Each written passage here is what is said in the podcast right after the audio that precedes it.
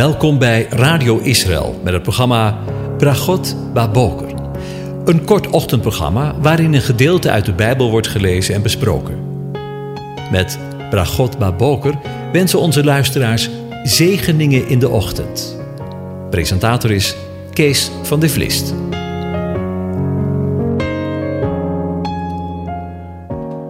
Goedemorgen, Bokatov, beste luisteraars. Vanmorgen gaan we weer verder met na te denken over Psalm 104.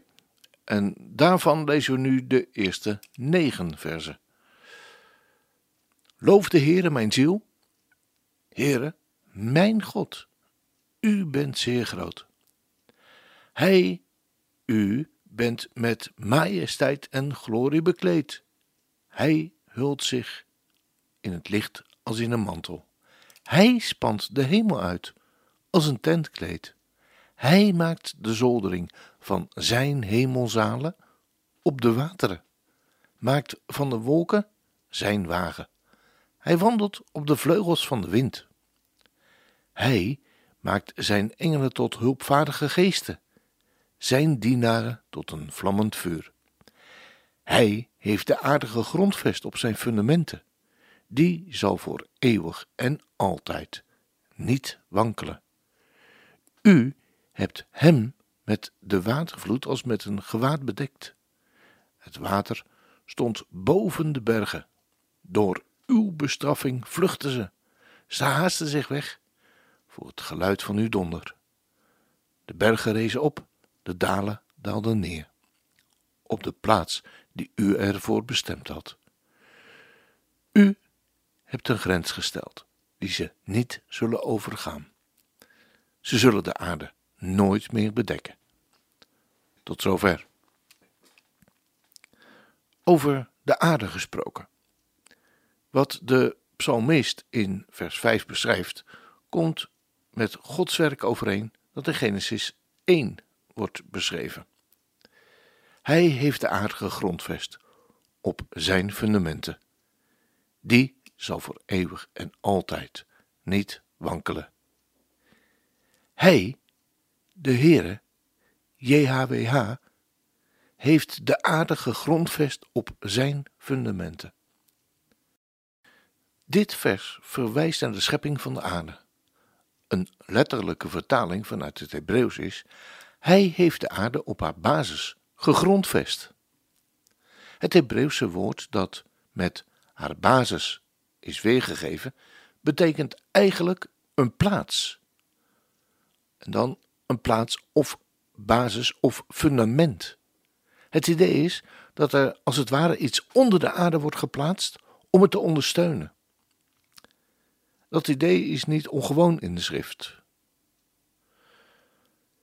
In Job 38, vers 4 lezen we iets vergelijkbaars. We lezen daar: Waar was je toen ik de grondvesten van de aarde legde? De uitdrukking legde de grondvesten der aarde is ontleend aan het bouwen van een gebouw. Eerst worden de fundamenten gelegd en daarna wordt de bovenbouw opgehoogd. Het Hebreeuwse woord voor de aarde is eretz en komen we in Genesis 1 vers 1 direct al tegen. Eretz is het Hebreeuwse woord voor land. Met het bepaalde woord Haaretz, Hebreeuws het land. In het begin schiep God de hemel en de aarde, Eretz. De aarde, Eretz, nu werd woest en ledig, en duisternis lag over de watervloed. En wat zegt de Heere, JHWH, over deze aarde, over deze Eretz? Die zal voor eeuwig en altijd niet wankelen dat de aarde niet voor altijd verwijderd mag worden, zodat niet, het niet van zijn plaats kan worden geschud. Alle klimaatclubs ten spijt, zou ik haast willen zeggen. Dat wil zeggen, de aarde, zijn erets, is vast, permanent, solide. De fundamenten begeven het niet, zoals gebouwen die door de mensen zijn opgericht, maar het blijft hetzelfde van tijdperk tot tijdperk. Het meest vaste en stabiele object waarvan we kennis hebben. Mooie, troostvolle gedachten toch? En het is niet omdat ik het zeg, maar omdat Gods woord het zegt. Luister maar eens naar Psalm 78, vers 69. Hij bouwde zijn heiligdom als hoogte en vast als de aarde, die hij voor eeuwig grondvaste. En in 1 Samuel 2, vers 8 lezen we: Want de grondvesten van de aarde zijn van de Heere, en hij heeft de wereld daarop geplaatst. En als laatste wil ik Psalm 96, vers 10 aanhalen. Zeg onder de heidevolken, de Heere regeert. Ja, vast staat de wereld, ze zal niet wankelen. De Heere is de schepper van hemel en aarde. Hij is ook de onderhouder van de schepping. Want de aarde zal voor eeuwig en altijd niet wankelen. Als dat geen zegen is. We haalden zojuist Psalm 96 aan, waarin we lazen: Ja, vast staat de wereld, ze zal niet wankelen. Eeuwen geleden rijmden de dichters dit vers zo: Zegt om de heidenen te verlichten, de Heere geert, die de aard wou stichten. Dies zij bevestigt alles stond, nooit wankelen zal op hare grond. Hij zal het recht de volken richten.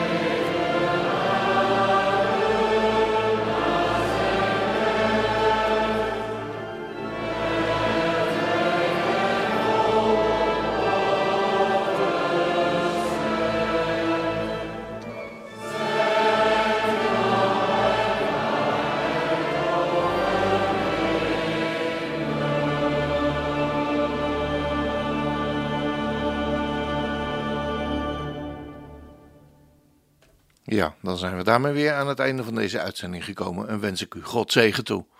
De Heer zegene en hij behoede u. De Heer doet zijn aangezicht over je lichten en zij je genadig. De Heer verheft zijn aangezicht over u en geeft u zijn vrede, zijn shalom. Amen.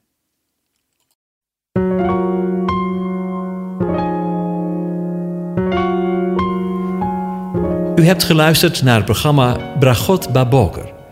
Een kort ochtendprogramma waarin een gedeelte uit de Bijbel wordt gelezen en besproken. Wilt u het programma nog eens naluisteren, dan kan dat. Ga naar radioisrael.nl en klik onder het kopje radio op Uitzending gemist.